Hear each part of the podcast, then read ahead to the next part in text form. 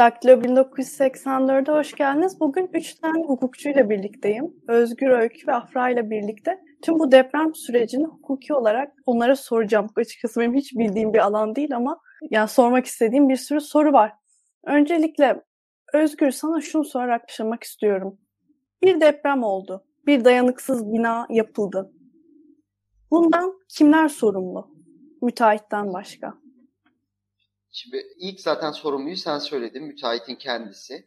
İkincisi denetimi yapan şirketin bir sorumluluğu var. E, üçüncüsü burada imar izni veren e, belediye ise belediye ondan sonra ya da bakanlık kapsamında yapılan bir e, çalışmaysa bakanlığın bir sorumluluğu var. Aynı zamanda imar izninin dışında da bakanlığın kendi bir sorumluluğu var. Çünkü Çevre ve Şehircilik Bakanlığı'nın temel mantığı zaten riskli yapıların oluşmasını engellemek üzerine olduğu için onun bir hizmet kusuru olduğunu da söyleyebiliriz. Bunun dışında e, örneğin bina yapım sürecinde arsa verilirken işte kat karşılığı bir yapım sözleşmesi varsa burada mülk sahibinin de yani arsa sahibinin de bir sorumluluğu doğuyor. Aynı zamanda e, bu bir ticari amaçla yapılıyorsa burada hani müteahhitin bir şirketi gibi bir durum varsa müteahhitin kişisel sorumluluğun dışında bir ticari sorumluluk da doğabiliyor. Bunlardan bahsedebiliriz. Peki burada şahsi sorumluluklar da oluyor. Örnek veriyorum. Ya kendisi binasını yapmış olabiliyor. Ya burada da şahsi sorumluluk doğuyor. Ama buradaki sorumluluk daha büyük payı e, denetim mekanizmasında oluyor ve burada imar izni verilmesi kısmında oluyor. Esas sorumluluklar bunlar aslında. Yani insanlar işte imara aykırı yapılar inşa edebilir ama buradaki temel durum denetimi yapan firmalar ya da denetimi yapan kamu kuruluşlarının görevini layığınca yerine getirmemesi bu tarz felaketlerin önünü açıyor. Yani biz afetlerin felakete dönüşmesinin temel sebebi kamu kuruluşlarının ya da denetim mekanizmalarının görevlerini layığınca yerine getirmemelerinden kaynaklanıyor. Sorumluları da bunları olarak e, kısaca ifade edebilirim. Teşekkür ederim Özgür. Afra sana şunu sorarak başlamak istiyorum. Hoş geldin sen de bu arada. Bu DASK sistemi tam olarak neyi karşılıyor? Yani bunun kapsamı nedir tam olarak? Ben onu sana soracağım. Hoş bulduk öncelikle. Özgür ve Öykü'yle de olmak güzel oldu. Uzun bir aradan sonra böyle kötü bir şeyle de olsa. Önce yani izleyen herkesin başı sağ olsun. Çok zor bir dönemden geçiyoruz. Umarım hızlı ve en verimli şekilde atlatırız. DASK da aslında bundan sonrası için çok önemli bir nokta. O yüzden iyi ki sordun diyorum ben. DASK bilmeyenler için zorunlu deprem sigortası. Ee, zorunlu deprem sigortası deyince burada şunun altını çizmekte yarar var. Bu konutlar için zorunlu olan bir sigorta. Yani sizin iş yeriniz var. Oraya DASK yaptırmak zorunda değilsiniz. Ama bir eviniz varsa DASK aslında zorunlu bir sigorta. Bunun denetimini de sistemde şöyle sağlıyorlar. Zaten işte atıyorum tapuda bir işlem yapacaksınız satış olabilir, ipotek kurulması olur. Sizden tapu daskı ister geçerli ve güncel bir DASK poliçesi. Ya da işte eve kiracı girdiği zaman elektriği suyu üstüne alır ya o abonelikleri. O sırada bu kuruluşlar sizden DASK'ın güncel poliçesini görmek ister. Fotokopisini, fotoğrafını neyse. E, DASK'ın kontrolü sistemde böyle sağlanıyor. DASK yani şöyle burada şöyle bir sıkıntı var aslında. DASK hani genel olarak eviniz işte konutunuz yıkıldığında, hasar gördüğünde kapsadığı noktalar olarak geçse de yani işte burada neler olabilir? İşte yıkılması halinde buradaki işte onların toplanması, yani her şey gibi düşünebiliriz. Buna tabi doğan işte depreme tabi olarak yer kayması olursa bunlardan doğan zararlarınızı da kapsıyor. Ama buradaki en önemli şeylerden biri çok ciddi konularda aslında teminat dışı. Mesela en basit enkaz kaldırma masrafı diye çok ciddi bir masraf çıkabilir karşınıza ve bunu kapsamda değil. Ya da evinizin içerisinde taşınır mallar, eşyalar var sonuçta. Bunlar kapsam dışında. Ya da sizin burada gördüğünüz bedeni zararlar ya da bir kişinin bu binanın yıkılması sonucunda vefat etmesi halinde bunların hiçbirini teminat kapsamına almıyor da. Ve DASK'ın şöyle bir özelliği de var. Bir azami tutar var. Yani siz hangi firmaya giderseniz gidin size maksimal yaptıkları bir üst sınır var diyebiliriz. Bu da 2025 Kasım 2022'de be, belirlenen tutar, son tutar, güncel tutar. Bugün kontrol ettim 641 bin TL. Yani sizin eviniz ne kadar değerli olursa olsun size vereceği şey yani tamamen yıkılmış olsun ev diyelim ve her şeyi kapsayacak işte tam bir kapsamlı vereceğini düşün. Sizin alacağınız 640 bin TL. Ya bugünümüz şartlarında çok iyi bir rakam diyemeyiz çünkü hani yani ben Malatya'daki işte e, ya da Diyarbakır'daki evlerin fiyatlarına falan kişisel olarak sahip değildim ama yıkılan evlerin fiyatları bahsi geçiyor. Şu kadar aldık mezar oldu dedikleri. Yani 1 milyondan aşağı e, artık Anadolu'da da yani daha tırnak içinde kullanıyorum ama İstanbul, Ankara, İzmir gibi büyük merkezlerin dışında da ev bulmak mümkün değil. O yüzden tutar aslında çok düşük. Buna ek olarak şunu söyleyebilirim. Şöyle bir sıkıntı gördük biz biraz daha işin içine girince. DASK zorunlu diyoruz ama siz evin içinde kendiniz oturuyorsunuz. Kiraya vermeyeceksiniz ve yakın zamanda dev, devir işleminiz ya da e, ipotek işleminiz yoksa DASK yaptırmayan bir sürü insan var. Çünkü Türkiye'de de aynı zamanda bir ekonomik kriz vardı. O yüzden onlar bu bedelleri de alamayacak. DASK'ın bu arada avantajı şu oluyor aslında diyebiliriz. DASK'ı talep ettiğinizde çok özellikle bu tarz gerçekten çok büyük bir afet, çok ciddi bir yıkım varsa, yani yıkılan bir bina değilse ve kişisel talepte bulunmayacaksanız bu sigorta fonu gibi düşünün bunu. Gidip oralara mobil araçlar kurdular ve talep yani taleple bağlı olmaksızın çok hızlı bir ödeme yaptıklarını iddia ediyorlar. E, alanlar var henüz almayanlar da var. 24 saat içinde hesabına geçen de varmış bu tutar. O yüzden bu iyi işliyor. Bundan sonrası için önerebileceğimiz bir şey hani Türkiye ekonomik şartlarında çok zor ama e, eğer mali olarak imkanı varsa herkesin DASK'a ek bir konut sigortası yaptırması daha avantajlı oluyor. Konut sigortası dediğinizde hani dedik ki evin içindeki senin koltuğun, televizyonun, laptopun bir sürü şeyin var ve bunlar DASK'ın kapsamında kesinlikle değil. Ama ev sigortası yaptırırsanız bu zaman ev, e, bu durumda evinize bir ekspertiz geliyor ve evdeki işte her şeyin değerine ortalama bir fiyat biçiliyor ve buna göre bunun üzerinden bir değerlemeyle yapılıyor. Tabii poliçeler burada çok yükseliyor ama diyebileceğim tek şey şu eğer imkanı olanlar varsa buna yönlendirmek gerekiyor DASK'a ek olarak diye özetleyebiliriz. Aa, çok teşekkür ederim ama her türlü tabii masraflı oluyor maalesef ki. Öykü şimdi Afra yıkılan binalardan bahsetti bu DASK'la ilgili olarak. Şimdi bu yıkımda işte biliyorsun işte bir binanın hasarlı ya da güvensiz olmasına sebep olan birçok sebep var. Mesela müteahhitten de olabilir bu sebep. Kolonu kesen bir kiracı ya da bir ev sahibiyle alakalı bir konu da olabilir. Şimdi bunun için bir kanıt gerekiyor ama biz deprem bölgesinde gördük ki buradaki kalıntıların işte bina enkazındaki işte malzemelerin toplandığını gördük. Bu süreçte şimdi dayanıksız bir bina kimin yaptığını yani kanıtları nasıl bulacağız? Öncelikle ülkemizin başı sağ olsun diyorum. Herkese çok geçmiş olsun. İyi akşamlar diliyorum ayrıca. Şimdi şöyle Aybüke, bir binanın enkaz haline gelmiş bir binanın özellikle göçmüş ve insanlara mezar olmuş bir binanın bu hale gelmesi tamamen tesadüfi bir şey değil. Kadere bağlı bir şey değil. Bu bir hizmet yani bir eser neticede bina. Yani o eserin meydana gelmesinde o eseri meydana getiren yüklenicinin doğrudan sorumluluğu vardır. Örneğin biz hep ilk aklımıza müteahhit gelir. Ama müteahhitle birlikte örneğin ustabaşı, örneğin oradaki kalfalar, inşaata katılan kimseler, hatta son depremden, son acı depremden sonra gördük ki beton firmaları dahi, oradaki hazır betonu tedarik eden firmalar dahi bir örnek numune gönderdikten sonra daha sonrasındaki yapılan sevkiyatlara aynı kalitede ürün vermeyebiliyor. Bu yüzden kusurun tespitinde önemli olan soruşturmanın çok yönlü yürütülmesi. Yani tek bir kişiyi suçlamak bağlılığına niyetinde başlatılmış bir soruşturmadan ziyade neticenin hangi sebepten dolayı meydana geldiği, kimin kusuru nedeniyle meydana geldiği, kimin bundan haberdar olduğu şeklinde bir geniş kapsamlı soruşturma neticesinde yargılama yürütülmeli. Bununla ilgili de biraz önce bahsettiğim gibi çimento firmalarına kadar herkesin adli sorumlulukları var. Ve bu sadece eser kısmından değil. Yani binanın meydana getirilmesinden itibaren değil. Daha sonrasında binanın ayakta kalması, mesela 5 yıl sonra bina teslim edildikten 5 yıl sonra kolonlarının kesilmesine meydan olan sebebiyet veren kişinin sorumluluğu gibi herkesi kapsamalı bu durum. Ve aynı zamanda idari izinleri veren kişiler de sorumlu olmalı. Örneğin imar izni veren belediyeler veya Çevre Şehircilik Bakanlığı belki veya yapı denetim firmaları herkesin bu olayda el birliğiyle yani hani deyim yerindeyse el birliğiyle adli sorumluluğu olmalı, cezai sorumluluğu olmalı.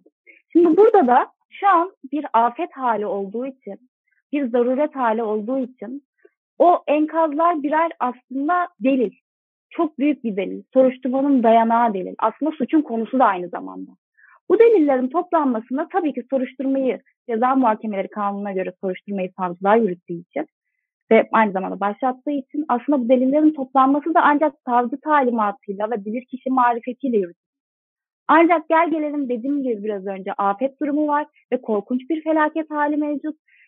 Savcılar şu anda çok üzücü ne yazık ki cenazelerin teşhis edilmesi, kimlik tespitinin yapılmasıyla meşgul.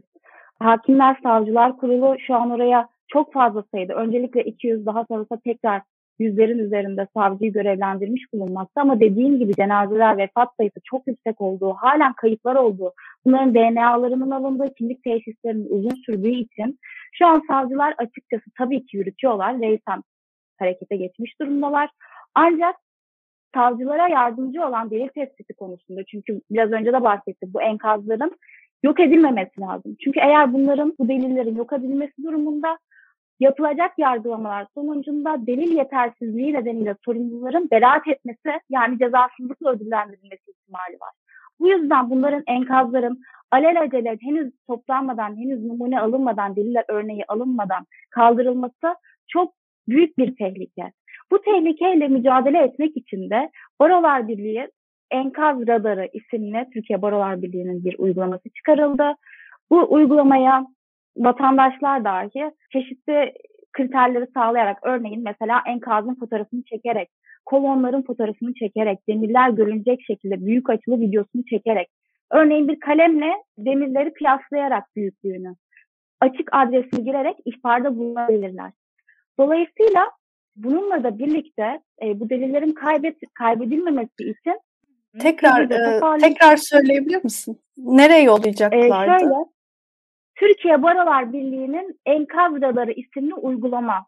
Bunu yardımcı olursanız, e, arzu ederseniz açıklamaları da ekleyelim. Uygulamanın linkini herkes buna erişsin. Özellikle mesleki yetkinliği olan mesela mimarlar, mühendisler gibi teknik bilgi sahibi olan kimseler de buna erişsin. Özellikle biraz önce de bahsettiğim gibi Barolar Birliği'nin çok ciddi bir kamusal hizmeti söz konusu şu an. Bilindiği üzere avukatlık kanununda da geçtiği üzere avukatların aslında kamusal bir yükümlülüğü var. Şu an orada pek çok fazla sayıları yüzün üzerinde meslektaşımız mevcut. Hepsi yargılamalara gönüllü olarak avukatlık desteği sunuyorlar, delil tespiti yapıyorlar. Bunun ötürü kendilerine çok teşekkür ediyorum. Sanıyorum ki dün olması lazım İstanbul Barası'na mensubu olduğum İstanbul Barası'na bir talepte bulundum, bir başvuruda bulundum deprem komisyonu kurulması konusunda. Bu şu an meslektaşlarım, gönüllü meslektaşlarım sahada bölgede oldukları için muhtemelen hemen kurulmayacaktır. Ancak geldiklerinde bu komisyonun kurulmasında ve bu komisyonun çok uzun süreler boyunca çalışmalarda bulunmasına, raporlar hazırlamasına ve inatçı bir şekilde bu süreçlerin takipçisi olması konusunda gereken her türlü bir meslektaşlar olarak destek vermeye hazırım. Bu konuda da başvuruda bulundum. Diyerek şu anki adli sürecin nasıl yönetildiği konusunda birazcık bilgi vermiş oldum. Çok önemli yerlere değindin Öykü. Teşekkür ederim. Özgür şimdi sana şunu da sormak istiyorum. AFAD'ın tam hani koordine etme mi yoksa yardım götürme nasıl bir görevi var aslında? Bunu bana biraz açabilir misin? Ya şimdi biraz geriye gitmek gerekiyor. Yani 99 depremine biraz böyle gidelim. Bizim kötü anılarımızın olduğu anlardan aslında bazı sonuçlar çıkarıyoruz. 99 depreminde sivil inisiyatiflerden orduya kadar herkes sahaya inmişken orada bir sıkıntı vardı. Temel sıkıntı şu. Orada hani biz e, devlet var mıydı yok muydu ya da devlet enkaz altında kaldı kalmadı tartışmasından ziyade herkes yardım edebiliyordu ama yardımların bir koordinasyon eksikliği vardı. Yani kim nereye bir çadır kuracak ya da nerede bir seyyar işte duştur, tuvalettir bunlar olacak ya da seyyar sahra hastanesi nereye kurulacak ve bunların erişimi nasıl olacak? Bunlarda temel sıkıntı yaşanıyordu ve buradan çıkarılan ders şuydu. Bir kurum, devletin bir kurumu, örnek veriyorum işte ben Lüleburgaz'da doğup büyüdüm. Lüleburgaz'da afet toplanma alanları bellidir. E, bir durum olduğunda ya da bir afet yaşandığında işte burada Sahra Hastanesi kurulacak, şu, burada mobil aşevi kurulacak. Sen burada görevlisin, sen burada görev yapabilirsin gibi bir yönlendirici bir kuruma ihtiyacı vardı. Temel amacı koordinasyon olan bir kuruma ihtiyaç vardı. Ama AFAD 2009 yılında kuruldu. Orada Sivil e, Savunma Genel Müdürlüğü gibi bir müdürlük vardı ve onun değiştirilerek bir afet koordinasyon amaçlı bir AFAD kurumu kuruldu. Ama AFAD kurulduktan sonra e, sivil inisiyatifi ya da devletin farklı birimlerini koordineli bir şekilde afetlere hazırlamak yerine alanlarda öne çıkan kurumların biraz daha törpülenmesiyle ön plana çıkmaya başladı. İlk önce biz bunu Akut'ta gördük. Akut'un yavaş yavaş alanlardan çekilmesi, burada yönetim kuruluna baskı yapılarak yönetim kurulu başkanı Nasuh Maruki'nin geri plana alınması ve akabinde Akut'un kendi bünyesindeki maddi ve sosyal kaynakların azaltılmasını gördük. Ondan sonra yönetmeliklerde çeşitli değişiklikler gördük. Daha çok AFAD'ın yetkilendirilmeye çalışıldığını gördük ve bu kısmen doğru bir şey. Koordinasyonun sağlanması amacıyla.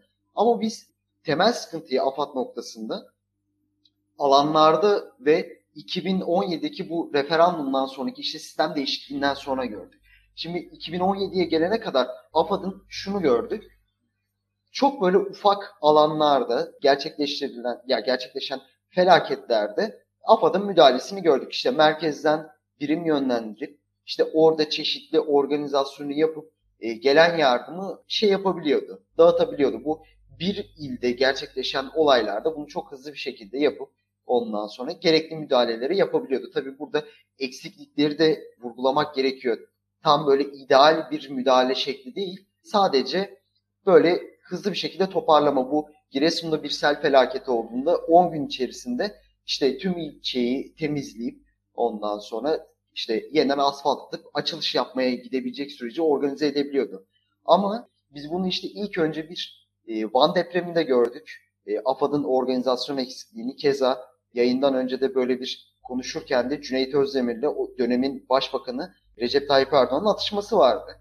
Yani Cüneyt Özdemir ben alana gittim ondan sonra ve köylülerin çadırı yok gibi bir eleştirisi vardı ve bunları köylülerin dile getirdiklerini ifade ettiği için dönemin başbakanından azar yemişti. Yani Erdoğan çıkıp sen nereden biliyorsun? Biz her yere gittik benim önüme rapor geldi diye bir açıklaması vardı. Cüneyt Özdemir de cevaben ben işte e, mazlumun sesi oldum. Sadece aracı oldum. Gazetecilik mesleği bunu gerektirir diye bir ifadesi vardı. Keza daha sonraki yıllarda gerçekleşen felaketlere de bakarsak biz genel olarak şeyi görmüyoruz. Yani felaket yaşandığında kişisel yardımımızı yapıyoruz. İşte kamuoyunda kaldığı kadarını takip ediyoruz ama daha sonrasında neler yaşandığını görmüyoruz. Şimdi 2017'de gelene kadar bu başbakanlığa bağlı bir kurum olarak karşımıza çıkıyor AFAD.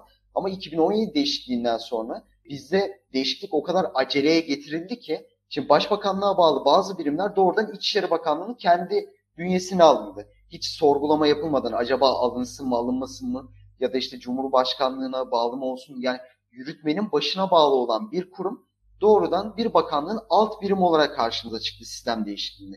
Bu da şuna sebebiyet verdi. Şimdi AFAD bir koordinasyon kurulu iken bir bakanın talimatını gerektiren bir organizasyon şeklini aldı. Örnek veriyorum Sağlık Bakanlığı'na doğrudan işte sizin e, bünyenizde bulunan UMKE personelinin işte %50'sini şu ile, %25'ini şu ile, işte %25'ini de şu ile göndermeniz gerekiyor. Ya da atıyorum işte Çevre ve Şehircilik Bakanlığı'ndan işte örnek veriyorum 300 tane vincin şuraya gönderilmesi gerekiyor gibi bir yönlendirme koordinasyon yapacakken bir bakanlığın alt bünyesi olarak başladı ve bu da bazı noktalarda işte yukarıdan talimat gelmesi gerektiği gibi bir sonuç açığa çıktı. Ve bu da alandaki müdahalenin hızlı olması gerekirken müdahalenin çok daha yavaş ve bir kişinin ağzına bakma gibi bir durum açığa çıktı ve biz bunu e, depremin ilk günü sabah işte saat e, dört buçuktan itibaren bunu gördük. Ve sonraki açıklamalara da bakarsak işte burada AFAD koordinasyon yap yapması gerekirken e, bildiğiniz yukarıdan emir bekleyen bir kurum haline geldi. İşte düşünün Milli Savunma Bakanı Hulusi Akar ikinci ordu göreve hazır diye talimat talimat değil de ikinci orduyu e, hazırlanması gerektiğine dair bir talimat veriyor. İşte genel kurmaydır ikinci orduya talimat gidiyor hazırlandığı söyleniyor. Cumhurbaşkanına bu ifade ediliyor hazırız diye. E, AFAD işte raporunu sunuyor. İşte 45 dakika içerisinde rapor hazırlayıp sunuyor. Ama sonra ne oluyor? İşte yukarıdan haber beklendiği için AFAD'ın işte organizasyon yapabilmesi için bir kişinin talimatına ihtiyaç duyulduğu için orada bir o kişiden talimat gelene kadar müdahale gelmiyor. Böyle bir temel sıkıntı var. Müdahale gelmedikçe de şu sıkıntı meydana geliyor.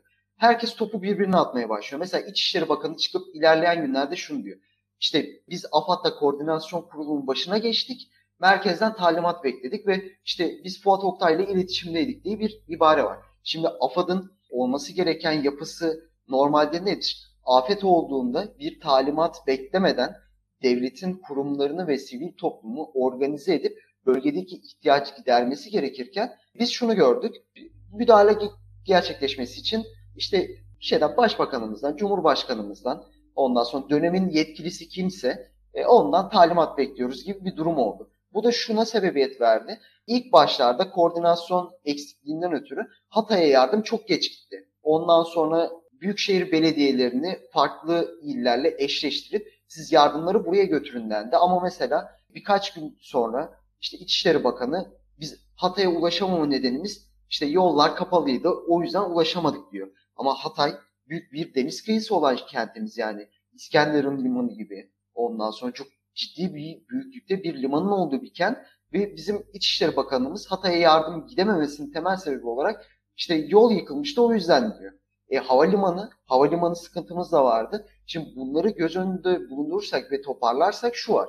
Hatay bir şey, AFAD bir koordinasyon birimi olması gerekirken resmen bir talimatla çalışan bir birim haline geldi. Sivil inisiyatiflerin önü kesildiği için sivil inisiyatifler kendileri bir müdahale edemedi ve sivil inisiyatifler alana bir şey yapmaya git, gitmeleri gerektiğini AFAD'ın onları yönlendirmesini bekledi ve bu yönlendirme de geç geldiği için de birçok kurum ve kuruluş bekledi. Ya örnek veriyorum Tayvan'dan çıkan arama kurtarma ekibi Adana'ya indikten sonra Adana'dan işte Adıyaman'daki kurtarma yerine yaklaşık 17-18 saatte indi. Sadece bir tünelden geçişleri 5 saat sürdü. Yani niye? O tüneldeki yoğunluk hesap edilemediği için ya da atıyorum işte Adana'dan bir helikopterle Adıyaman'a götürülmediği için. Yani bu tarz temel sıkıntılar oldu alanda. Ve bunun temel sebebi AFAD'ın koordinasyon eksikliği. Koordinasyon için kurulmuş bir birimin koordinasyonu sağlayamamasından ötürü insanlar enkaz altında kaldı. Çok net bir şekilde bunu ifade etmemiz lazım. Yani bu arama kurtarma operasyonlarında ilk 72 saat çok önemliyken ya 3 gün Hatay'a doğru düzgün yardım gönderilmedi. Şimdi bunun bir sorumluluğu var. Bunun çok net bir şekilde ifade etmemiz gerekiyor. Bir de şunu da söylemek lazım AFAD'la ilgili. E, AFAD sivil inisiyatiflerin yardımlarını da bunun dışındaki diğer kuruluşların yardımlarını da bünyesine almaya çalıştı. Yani AFAD bir organizasyon yapmaktan öte kim ne yardım yapacaksa, kim ne yapmak istiyorsa kendi tekelini almaya çalıştı. Bu en sonunda şeye kadar gitti yani. Ahbab'ın kendi bünyesinde topladığı yardımların işte Ahbab'a niye yapılıyor, AFAD'a yapılması gerekiyor gibi bir duruma kadar evrildi. Yani burada biz bir devlet kurumunun bir organizasyon yapması ve e, insanların sağlıklı bir şekilde enkazdan kurtarılıp yeniden rehabilitasyon sürecine başlayıp oradaki temel sorunun ortadan kalkmasına ilişkin adımları atması gereken bir devlet kurumunun varlığın oluşması gerekirken biz şunu gördük. 2009'da kuruldu. Sivil inisiyatiflere, sivil toplumu, çeşitli kuruluşların üstünde baskı oluşturan bir devlet kurumu haline geldi. Çeşitli felaketlerde bu kurumun işlevliğinin aslında kötü olduğunu görmeye başladık ama biz felaketlere uzak kaldığımız için ve etkileri daha düşük seviyede olduğu için ve daha dar kapsamlı olduğu için biz bunu fark edemedik. Fark ettiğimizde de iktidar bunu kendi propaganda araçlarıyla engellemeye çalıştı ve dolayısıyla totalde bizim geldiğimiz noktada yaklaşık 40 bin üstünde vatandaşımızın hayatını kaybettiği bir afetle karşı karşıya geldik ve afetten felaket doğdu. Bunu net bir şekilde ifade etmek gerekiyor yani. Afetten felaket doğdu ve burada şunu da eklemek istiyorum e, sözü devretmeden önce. Ben açıklanan resmi rakamlara da inanmıyorum açıkçası. Yani bunu da ifade edin. 40 bin diye evet. ifade edilen güvenmiyorum yani. Evet yani enkazlarda tam kaldırılmadı. Rakamlarda muğlak. Sivil inisiyatiflerden bahsetmişken Afra bir de sana kampanyayı da sormak istiyorum. Türkiye Tek Yürek kampanyası. Orada şunu görmüştük. Birçok kişi çeşitli miktarlarda para bağışlayacağını söylemişti. Mesela bu süreçler nasıl gidiyor? Bu bir taahhüt mü yoksa kesin olarak o telefon görüşmesi yapıldığı anda para vereceği anlamına mı geliyor? Bir bunu soracağım sana. Bu yönünü soracağım. Bir de bu süreçlerin gerçekten şeffaflığını görebilecek miyiz? Çünkü alanda da biz çok yüksek miktarlarda paralar bağışlandığını gördük fakat birçok işte sonrasında çadırlar nerede diye de sorduğuna da şahit olmuştuk. Yani yani trilyarlar toplanıyor. Ya orada bir sürü saçma sapan konu var bu arada. Yani kamunun parası kamuya bağışlanabilir mi? Sonra bu para ne için toplanıyor? Bu yani bu arada toplanan parayla orada yıkılan binaları yapmanız da mümkün değil zaten. Bu gerçekle de yüzleşmek gerekiyor. Ama bu kadar para toplanıyorsa e, ya, ya bence şey bir de vergi indirimi oluyor mu? 8 milyon başladın 8 milyon düşmüyor vergiden. O konu yanlış anlaşıyor. Onun bir hesabı var. Onu maliyeciler yazdı. Yani o da çok abart yani tabii ki düşüyor vergiden. Ama hani öyle 8 milyon bağışladın vergiden 8 milyon düşüyor gibi değil. Orada bir maliye hesabı var. Onu hani hukukçu olarak yorumlamak çok doğru olmaz ama tabii vergi indir, vergiden düşme durumu var indirimi demeyeyim yanlış ifade olur. Şimdi burada birinci soru gerçekten bugün kaçıncı gündeyiz? Çarşamba olduğuna göre 15-16. gündeyiz. 16. gün ben hala arka planda bilmem nerede çadır. Şurada çadır. Ya yani ben sahada aktif çalıştığım için de hala oradan numaralarım kalıyor, o kalıyor, bu kalıyor. Ee, yani hala çadır, çadır, çadır, çadır, çadır deniyor. Bence benim bu süreçte gördüğüm e gerçekten bunu muhaliflik olsun diye de yapmıyorum. Beş maske gelemedi, iki çadır gelemedi, bir yıla binalar dikilecekmiş. Bu trilyarlar oraya gideceğine inanıyoruz herhalde diye düşünüyorum. O hedefleniyor. Şimdi bu bağış gecesinde herkesin gördüğü işte telefona bağlanıp e, ya da işte genelde telefonla herhalde anladığım kadarıyla telefonla bağlanıp işte şu kadar bağışlıyorum, bu kadar bağışlıyorum gibi açıklamalarda bulunuyor. Birincisi bağışlama taahhüdü yani bağışlama sözleşmesi diyeceğim şey yazılı olur şekle bağlıdır. Yani ben bugün arayayım. Şu anda da başka bir kampanya var. Bu sefer de İzmir Belediyesi'nin yürüttüğü bir kira kampanyası var şu anda. Onu arayıp mesela diyeyim ki canlı yayında ben iki, e, beş ailenin bir yıllık kira bedelini karşılayacağım Afragürler olarak. Okey. Yani yarın beni aradıklarında ben bunu yapmak zorunda değilim. Bunun hiçbir şekilde bir zorunluluğu yok. Yazılı yapılmayan hiçbir bağışın hiçbir anlamı yok. Ya parayı yollarsınız bağış diye ve o geçer. Ertesi gün ben bazı kişilere baktım.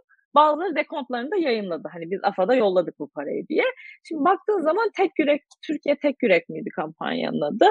Ben kişisel olarak şöyle diyeyim, böyle dönemlerde hiçbir kurumun dışlanması, hani tamamen karşıt görüşte olduğum STK'lar da var bu arada sahada şu an aktif olan. Ee, ama ya yani hiçbir kurum dışlanmamalı, hiçbir bağış nasıl diyeyim farklılaştırılmamalı. Ama sonuç bu ki şöyle bir sorun var orada. Bu kadar çok paradan bahsediyorsak bunun gerçekten bir işe yaraması lazım. Şimdi bölgeyi görenler, gidip görenler yani gerçekten hani videolardan falan da öte bölgeye gidip görenlerin diyeceği tek bir şey var. Gerçekten bu şehirlerin ciddi bir kısmı yok. Hatay yok, Antakya yok gerçekten.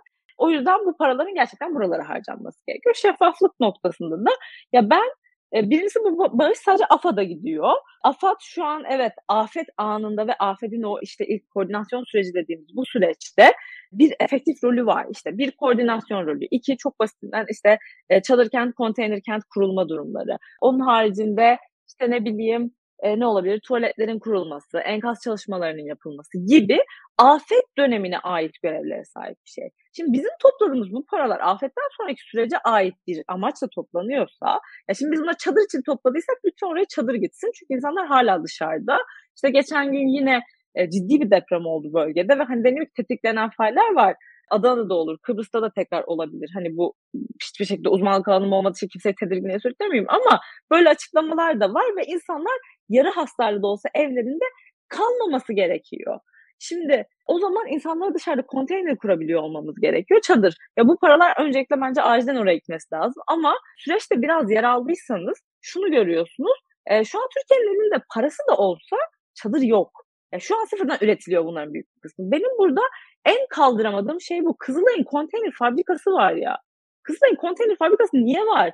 Kızılay tüzüğünü açın bakın yani yükümlülüğü bunu yapmak afete ve bütün dünyada Kızılay ve Kızılhaç bu işi yapar. Dünyada insanların en güvendiği kuruluşlar bunlardır. Bizde neden bu böyle oluyor?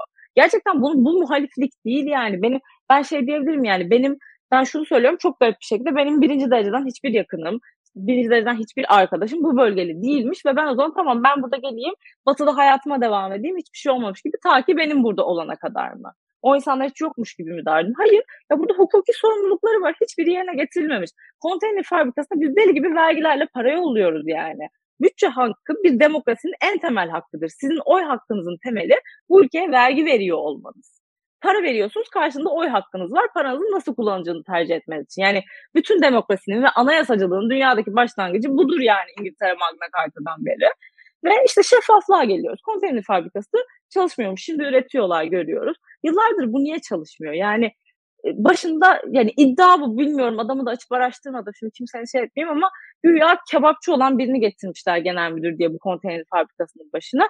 Şimdi bilmiyorum gerçekten ismini dahi bilmediğim biri hakkında şey ama böyle bir şey varsa olmaz ben de yapamam. Şimdi AFAD'ın başına beni de koysanız benim ne alakam var? İşte ilahiyat mezunu konmuş bütün il başkanına. Ya gerçekten bu ilahiyatta karşı bir duruş değil ne alaka demek zorunda kalıyorsunuz. Yani afet gerçekten çok zor bir duruş ve ben baştan bir şunu da kabul ediyorum. Genel olarak daha muhalif çizgide bir insan olmakla beraber bu çok büyük bir afetti. Ya bu sizin yani gerçekten çok hazır olabilecek bir afet değildi ama bazı şeyleri yönetebilirsiniz. 16. günde oraya çadır ve konteyner gider yani.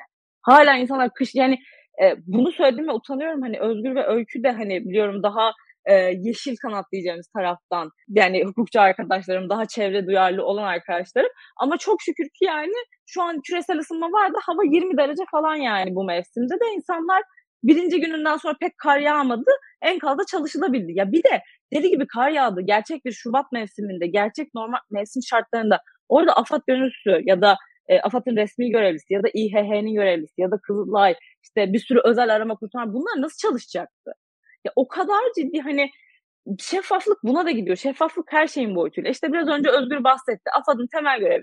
Koordinasyon. Ben yardımların tek elden dağıtılmasında kişisel olarak yapabilseler hiçbir sakınca görmüyorum. Doğrusu bu çünkü yani yap, koordine etmediğinizde herkes en kolay gidiyor. Hatay'a ilk girdiği yerdeki işte Belen kısmı vardır Hatay'da. Orada dağıtıyor bütün yardımı. E, gönderdim oh vicdanımız rahat. Arkadaki köylerin hiçbirine hiçbir şey gitmiyor. O yüzden aslında koordine eden, elinde ya çok basit, çok advanced bir programa gerek yok. Bir Excel'e kaç köyü var buranın? Köy, bu köye ne gitti, bu köye ne gitti yazılacak bir kuruluşa ihtiyaç var.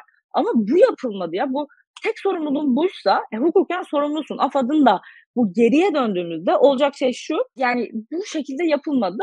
Tamam ben Kenan Bey şeyi sormuş. Varsayımlar üzerinden değil de kesin bilgi üzerinden devam edin konuşmanıza lütfen. Dönerci bir yetkili getirdiyse isim vererek konuşun. Tamam ben ona bakıp isim vereceğim Kenan Bey üzülmeyin.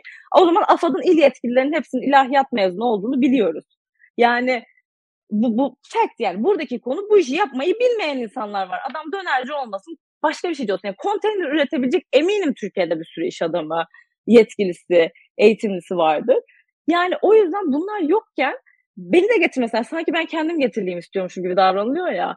O komik geliyor bana. Sonuç olarak bu işte hiç kimse sorumluluğunu yapmamış. Savcıların bugünkü iddia yani müzekkerelerine baktım. Biliyorsunuz ki tutukluluk, tutukluluk talebiyle yargılanıyorlar. Yani tutuklu yargılanmaları talep ediyor. Müzekkerede ta- savcılar çok doğru bir şey demiş. Deprem değil binalar öldürür. Ya bunu kabul ediyoruz. Bu depremde bina yıkılacaktı zaten ama Deprem değil bina öldürdü. Deprem değil koordinasyonsuzluk öldürdü. Deprem değil zamanda hiçbir uzman dinlenmeden havalimanının yapıldığı yanlış yerlere yapılan, e, yanlış yere yaptığınız havalimanı öldürdü.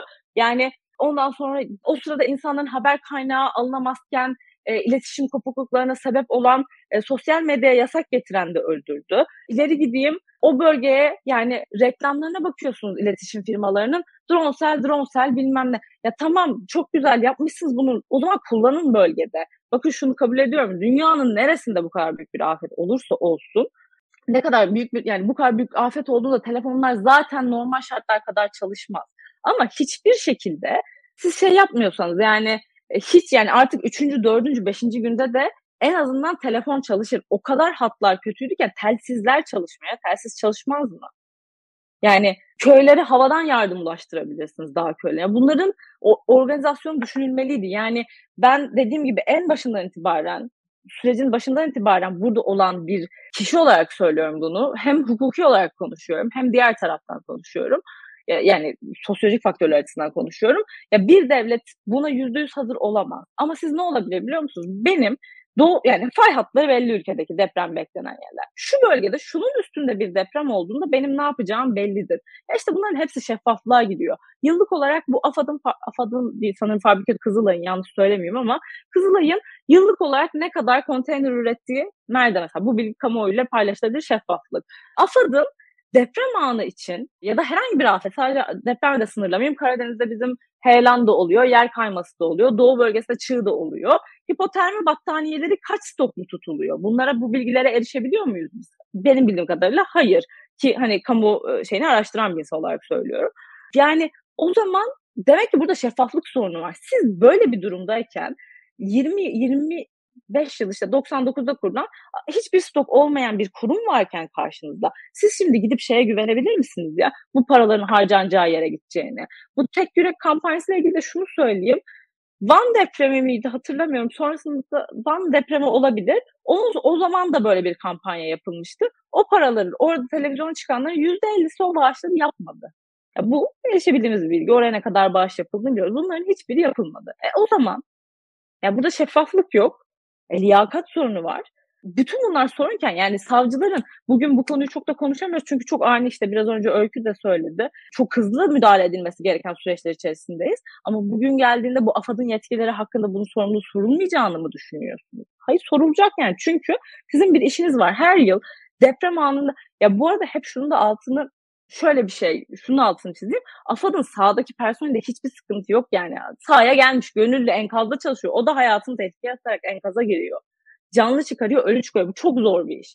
Ama sorun tepeden bir koordinasyon sorunu vardı. Yani o kadar çok oldu ki yabancı ekipler geldi. Kendi yaşadığım tecrübe söylüyorum. Yabancı ekip geldi.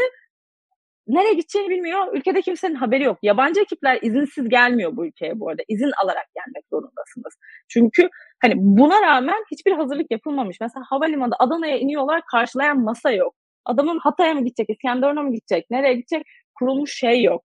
E sonra işte İspanyol ekibiyle yaşadığımız, birebir yaşadığım bir sorunu söylüyorum. Yani gelmişler hiçbir dinlenilecek bir yer ayarlanmamış bu insanlara. Yeme içme yeri ayarlanmamış. Eminim AFAD'ın kendi personeliyle de bu, bu sorun yaşanmıştır. E, çalışabileceğinden daha az verimli çalışıyor. Bu bir sorun değil mi? Sorun bunların hepsi. O yüzden e, şeffaflık bunun en başından en sonuna, bağışından sorumluluğuna hepsinde geçerli. Yani diğer bir son noktaya değineceğim. Savcılık müzekkeresinden dikkatimi çeken bir şey. Yani mesela müteahhit havalimanında ya, ya benim en canımı acı, acıtan şey şu oldu. Hangisinin bilmiyorum yani 5-6 müteahhit havalimanında alındı biliyorsunuz. Havalimanında bir tanesi işte pasaport kontrolünden geçiyor. Muhtemelen oradan geçtikten sonra hiçbir şey olmayacağını düşündüğü için çok rahatlıyor. Starbucks'a gidip kahvesini alabilmiş. Elinde kahvesi vardı. Duty free'den alışverişini yapmış. Elinde duty free poşeti var. Ve sonra benim vicdan... Yani polis alınca da şaşırıyor. Al nasıl böyle bir şey. Şaşıracak bir şey yoksa binana güveniyorsan o zaman niye burada değilsin? Neden yani senin binan yıkılmış ve altında insanlar kalmış. Nasıl gidebiliyorsun? Bu bana çok garip geliyor açıkçası. Hani hukuken de garip geliyor. Vicdanen de. Ama umarım tek diyeceğim şey müteahhitler işte e, bir iki şantiye şefi alındı. Orada şöyle bir şey var. Yapı denetim ile ilgili süreçlerden önce belli yıllardan önceki süreçlerde şantiye şefleri doğrudan esas sorumluydu bu yapı denetim kanunları yürürlüğe girmeden. Çünkü internette şeyi de gördüm. Şantiye şefinin mi suçu? Ya kanunen o da sorumlu. Evet o da işçi ve hani işte bu sermaye işçi bağlamında bakarsanız problem gibi geliyor ama o da sorumlu. Yapacak bir şey yok yani. E, bana hep şey geliyor. Bunu bu süreçte çok kullandım ve kendim normalde dikkat etmeye çalışırım ama biraz arttırdım. Hep en radikal örnek şeydir ya binanın altına mağaza yapacak diye kolonu kesmiş. O adamın gücü onu yapmaya yetmiş. İşte şantiye şefinin hard, e, kontrol etmemeye gücü yetmiş çalışanları. Demir firmasının daha kalitesiz bir e, içerik satmaya gücü yetmiş. Sonra normal hiçbir inşaatla alakamız olmayan bir vatandaş olarak kırmızı ışıkta geçmeye ve birine çarpmaya gücünüz yetiyor sonra. Yani kuralsızlık böyle bir şey. O yüzden bence evet kanundan kim sorumluysa hepsi baştan sona yargılanmalı. Ben kişi olarak suç duyurumu yaptım. Bundan sonraki binaların tespitindeki yani daha dallanıp budaklandıktan sonra da tekrar yapmayı da düşünüyorum. Hani çünkü ilk yaptığınız biraz daha hani soyut bir şey oluyor. Çok önemli başka bir şeye değineceğim burada son olarak bu sorumluluk konusunda. İşte şey tartışılmıştı yani olası kast yoksa işte tak, tak, bilinçli taksiri var mıdır yok mudur? Ya binanın senin binana koyduğun beton diye koyduğun şeyin ortasına sünger koyarsan e, bunun çökeceği yani çok olası bir şey ve sen bunu öne, öngörerek yapıyorsun. O yüzden savcılar da olası kastı tercih etmiş burada. Buradan da hani bunu şey yapan sadece tebrik etmek lazım. Ya tebrik de etmemek lazım. işlerini yapıyorlar. Ama umarım bu sadece bugün göstermelik on göz boyama kişisiyle kalmaz ve gerçekten yapı denetiminden işte ruhsatı belediyede onaylayanına bunun denetimini yapmayana herkese kadar uzanır bu diye umuyorum diyerek sözü sana bırakayım Aybike. Aa, çok teşekkür ederim Mahra. Sen de bölgeyi görmüş biri olarak önemli yerlere değindin. Öykü şimdi sana biz Daktilo'da geçen hafta da yayın yapmıştık ama internet özgürlükleri hakkında bir soru soracağım. Dün gece Ekşi Sözlüğün banlandığını gördük.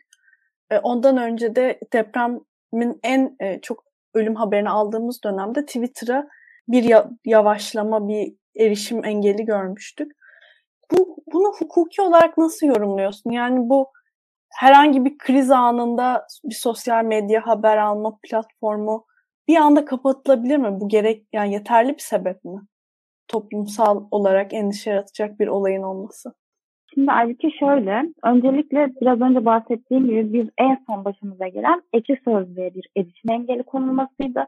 Daha doğrusu bir erişim engelinin varlığından da çok emin değildik. Çünkü ekşi sözlük yetkililerinin uzun süre yani gün içinde ara ara bilgilendirdikleri üzere ne kendileri yani ekşi sözlük yönetimi mesela veya ne de avukatları bu bu konuda verilmiş herhangi bir karara ulaşamadıklarından bahsettiler.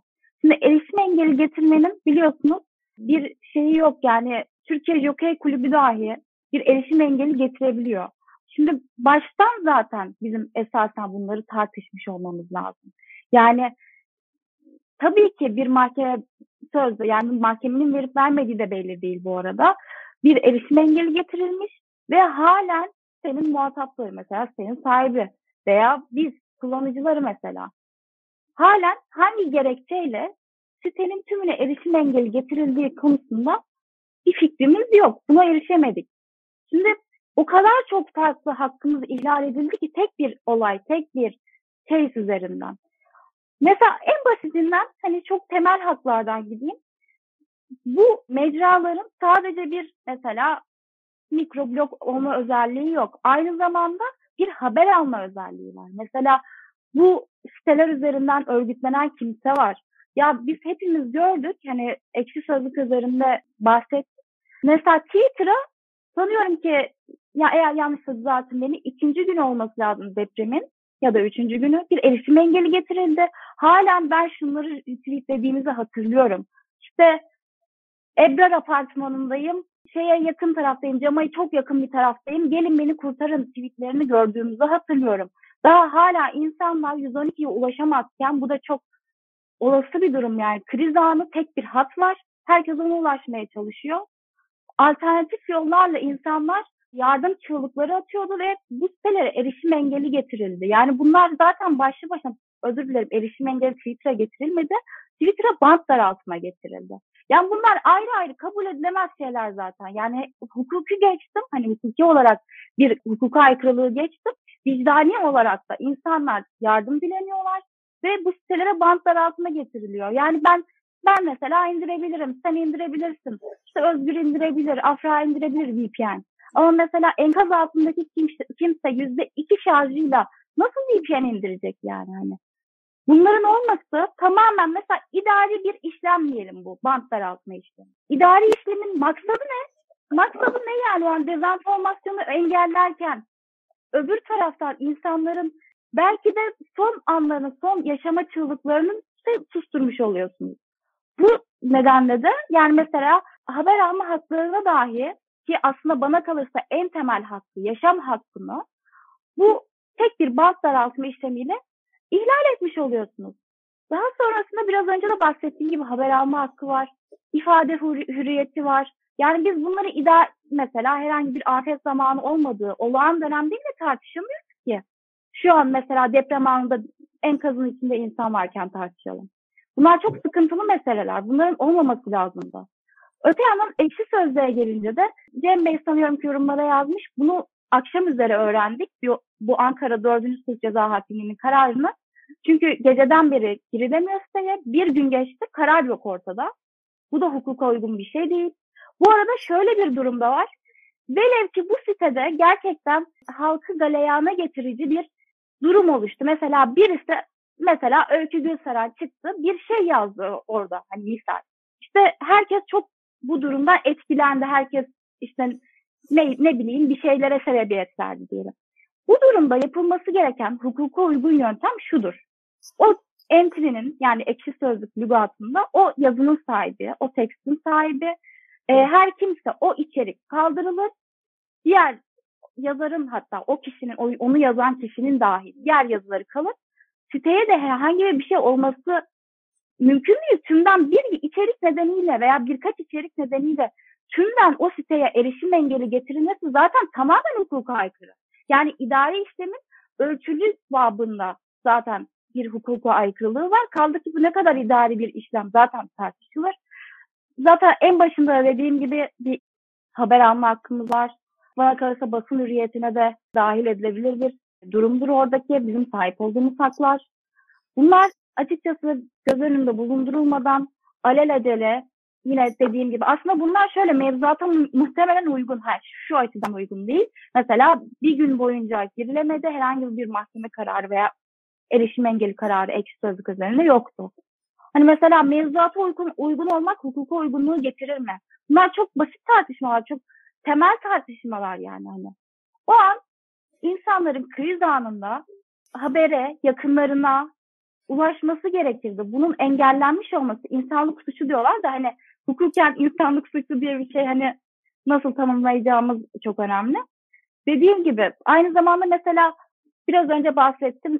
Mesela halen enkazda arkadaşım bulunuyor. Arkadaşım bulunamadı. Tamer Pekal, e, hukukçu bir meslektaşım.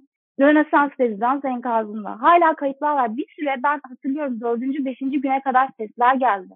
Bu insanlar diyelim ki tweet yazdılar. Bu insanların mesela ölmesi artık çünkü hayattayım diyememesi mesela. Dolayısıyla kimler sorumlu olacak? Mesela Twitter'a erişemedi ve diyelim ki artık enkazdaki son ümidini de kaybetti. Sorumluluk kimde olacak? Hatta şunu da söyleyeyim son olarak. Neticede devletin pek çok konuda pozitif yükümlülükleri var. Mesela koruma yükümlülüğü gibi. Olay olmadan, e, henüz bir afet durumu olmadan bizden özel iletişim vergileri toplanıyor. Yıllardır 99 depreminden sonra 2000'den beri toplanıyor. Bu vergilerin ne şekilde harcanacağı biliyorsunuz hükümete kalmış bütçe neticede hükümetin kontrolündedir. Bu nedenle yani hükümet yetkilileri hakkında da suç duyurusunda bulunan kişiler var. Bu biraz geniş mi yorumlanmış olur? Dar mı yorumlanmış? Yani nasıl mesela daraltılabilir? Bununla ilgili tartışmalar sürüyor. Çünkü çok ciddi bir sorumluluk. Yani hani içtimai bir durum olacak. Her ölen kişinin tek tek cezalarının hesaplanması gerekecek. Böyle bir suç duyurusu var. Bu mesela e, tartışmalı. Hani savcılar acaba ne yapacak bundan sonra? Göreceğiz. İlerleyen süreçte göreceğiz. Çok teşekkür ederim Öykü. Ben bir kapamadan önce bir ek yapmak istiyorum Afra'nın söyledikleri. Afra sorumluluklardan bahsederken bir bunun özel hukuk boyutu var. Bu zararın tazmini kısmında e, karşılanması amacıyla işte en temelinden borçlar kanunundan doğan. Bir de bunun cezai tarafı var. Ceza kanununa tabi olan. Burada olası kasta değinmişti. Aslında burada birden fazla suç olabilir. Hani bu sadece tek olası kasta değil de irtikaptan rüşvete kadar, dolandırıcılığa kadar birçok konuyu aslında bünyesinde barındıran bir durum ve öykünün e, defaatle vurguladığı o detaylı açıklama ya da detaylı bir soruşturma yürütülmesinin temel sebebi de bu. Hani beton firmalarının atıfı yapmıştı ya. Yani beton firmaları o bölgede bunu bilerek yapıyordur ve kendi işte bünyesinden teste gönderdiği ürünlerin kalitesinin bilerek arttırıldığı ama diğer ürünlerin bilerek kalitesiz yapıldığının aslında oradaki denetimcilerin bilincinde olduğu da olabilir. Bunların araştırılması lazım. Bu bir rüşvet ağı olabilir. Bu bir dolandırıcılık yöntemi olarak olabilir. Bu bir irtikap suçunu ortaya çıkarmış bir durum olabilir. Görevi kötüye kullanma durumları var. Bunların detaylı bir şekilde açıklanması için bunların yapılması gerekli diye ufak bir ek yapayım. Ya bir de bu chatte şey tartışması, ya tartışma değil de bir iki yorum dönmüştü orada. Hani hani liyakatsiz olduğunu nereden biliyorsunuz? Çıkın açıklayın diye. Bu hani kişisel tecrübelerime dayanarak söylüyorum. Türkiye'de bir kurumun içerisinde eğer bir sıkıntı olup olmadığını düşünüyorsanız kurumun başkanının biyografisinden ziyade o kurumun başkan yardımcıları ve işte ilgili müdürlüklerinin başında kimler olduğuna bakarsanız daha rahat edersiniz. Onu da ben de kişisel tecrübelerime dayanarak onu da söyleyeyim. Bir de hani böyle kaçak bir ekleme oluyor ama yorumlarda Gürhan Çiftçi iki kere yazdı. Bu imar affı esnasında devletimiz tüm sorumlulukları yapı sahibine aittir ibaresi var. O ne olacak dedi. O da şundan kaynaklanıyor. Eğer bir yapı kayıt belgesi alacaksan bunun sorumluluğunu üstlenmen gerekiyor dedi. Burada e, bu tamamen sorumluluktan kaçmış olmuyor. E, eğer yapı riskli ise bu riskin hangi ölçüde olduğu ve bu riskin nasıl giderilebileceğine dair yapılması gereken planlama ya da üstlenmesi gereken sorumluluk gene devlette oluyor. Bunun e, temel sebebi şu. Örneğin işte müteahhit binayı tamamladıktan sonra işte yapı sahibi kendisi bir değişiklik yapıyorsa ya da atıyorum bu sadece kaçak kat çıkma olarak değil plana aykırı bir şekilde imara imar değişikliği yapıyorsa örneğin işte e, açık balkonu kapalı balkon haline getirmekten tutun da evin içerisinde oda birleştirmeler ondan sonra kolon kesmelere kadar birçok durumda e, hani oradaki sorumluluğu doğrudan o başvuruyu yapana atfetmek için o madde var. Bu genel anlamda bir işte kamu görevlisi üstündeki ya da denetimden sorumlu insanların üzerinden yükümlülüğü alacak bir madde değil. Sadece hani orada bir nüans farkı var. Ondan bahsetmek gerekir. Bir de bu e, şeyi de söyleyelim yani burada hani bazı insanlar çok rahat bir şekilde hani sorumluluğu başkalarında e, atfediyor. Örneğin işte iktidar yanlıları biraz daha şeye atıp yapıyor işte bireysel sorumluluğa çok atıp yapıyor ama burada da önemli olan bireysel sorumluluktan ziyade bu tarz felaketlerin açığa çıkmaması için kamu görevlilerinin görevlerini muhteşem bir şekilde yapmaları gerekiyor. Yani burada yayını izleyenler arasında Mesut Hocam da var. Mesut Hocam e, çok e, Şili depremine atfetmiş. Yani orada benzeri şiddette bir depremde niye 500 kişiyle sınırlı kaldı diye düşünecek olursak ya orada kamu görevlerinin sert bir şekilde yapması gerekiyor sorumluluklarını ve orada yaptı. Bunu mecbur kılındı. Yani burada bir deprem yönetmeliğidir, hazırlandı, işte kağıt üstünde kaldı gibi bir durum yok yani. Onu sert bir şekilde uygulanıyor. Ve hani buna da değinmek de gerekiyor. Bir de burada e, bireysel yardımlara ihtiyacımız var mıydı diye bir soru vardı. Neden kolilerle başka ülke vatandaşları yardım yolladı. Bunun aslında bir iki tane boyutu var. Bir insani boyutu var. Bir yerde bir felaket olduğunda ve elinizden bir şeyler geliyorsa yapabileceğiniz bunu yaparsınız. Yani bu iyilik iyidir sadece. Yani bu temel sebebi bu. Bireysel yardımlara ihtiyacımız var mıydı diye soracak olursak eğer buna hazırlanmazsanız eğer sizin Kahramanmaraş'taki AFAD deposunda yeterli çadırınız olmazsa Maraş bölgesinde bir felakete ilişkin ya da atıyorum Karadeniz'deki bir heyelana, heyelana ilişkin sizin arama kurtarma ekipleriniz yeterli değilse ya da işte Doğu Anadolu'da bir çığ olduğunda yeterli değilse yardıma muhtaç olursunuz. Hala da dündü yanlış hatırlamıyorsam ya da bugündü. Tam böyle tarih hatırlayamıyorum ya dün veya bugün olması lazım. Akra'daki büyükelçiliğimiz işte çadır yardımı için para topluyor yani. Yani devletimiz burada hiçbir şey yok diyor ama hani sıkıntımız yok. İşte ilk gün İçişleri Bakanı, AFAD Başkanı çıkıp biz her yere ulaştık diyor ama yani 15. gün, 16. gün Akra'da hala biz işte seyyar tuvalet için işte çadır ihtiyacımız için para topluyoruz yani. Akra'da topluyoruz bir de bunu. Düşünün yani. Hani yaprak döker bir yanımız, bir yanımız bahar bahçe diyoruz ya. Yani o hükümet yetkilileri bahar bahçede yaşayıp da biz yaprak döken tarafta kalmamız gerekmiyor. Ya yani burada sorun neyse kamu görevlileri başta olmak üzere diye başlamamız gerekiyor. Çünkü onların asli görevi toplumun felaketler içerisinde yaşamadan sağlıklı bir şekilde yaşamlarını idame ettirmesi için gerekeni yapması gereken kişiler onlar. Sorumlu sorumlu olan onlar. Temel sorumlu onlar. Temel sorumlu hükümet, temel sorumlu kamu görevlileri. Bunu asla unutmamamız gerekiyor. Yani bireysel sorumluluklara atfederek ilerleyemeyiz. Çünkü burada bir bireysel suçtan bahsetmiyoruz. Ya bir insanın cinnet geçirip birine zarar vermesinden bahsetmiyoruz. Bir afet sonucunda gerçekleşen bir felaketten bahsediyoruz. Burada yükümlülükten, sorumluluktan kaçılmaması gerektiğine de bir kez daha vurgu yapmak istiyorum. Bir de bir yandan da şöyle bir aşağıya doğru da hani bir Anıl Bey'in bir sorusu var. BİM şok A101 marketleri sorumlu tutulabilir mi diye. Eğer imara aykırı bir değişikliği bilinçli olarak yapıyorsa sorumlu tutulabilir. Burada sorumlu tutulması için de çok net bir şekilde şunu da söylemek lazım. Bunun net bir şekilde şu an gittiğimiz A101'lere, BİM'lere gittiğimizde bakarak da görebiliriz. Yani eğer kolon kesme gibi bir durum varsa, bununla ilgili savcılar bir başvuru yapıyorsa çok net bir şekilde bu sorumluluğun, bu soruşturma sonucunda açığa çıkması gerekiyor. Çok net bir şekilde bunların araştırılması lazım. Çok teşekkür ederim Özgür. Gerçekten önemli yerlere değindin. Öykü Afras'ta da çok teşekkür ederim. Sizinle program yapmak çok güzeldi. Umarım daha iyi zamanlarda da birlikte yayın yapabiliriz. Görüşmek üzere. Biz teşekkür ederiz. İyi akşamlar. İyi akşamlar.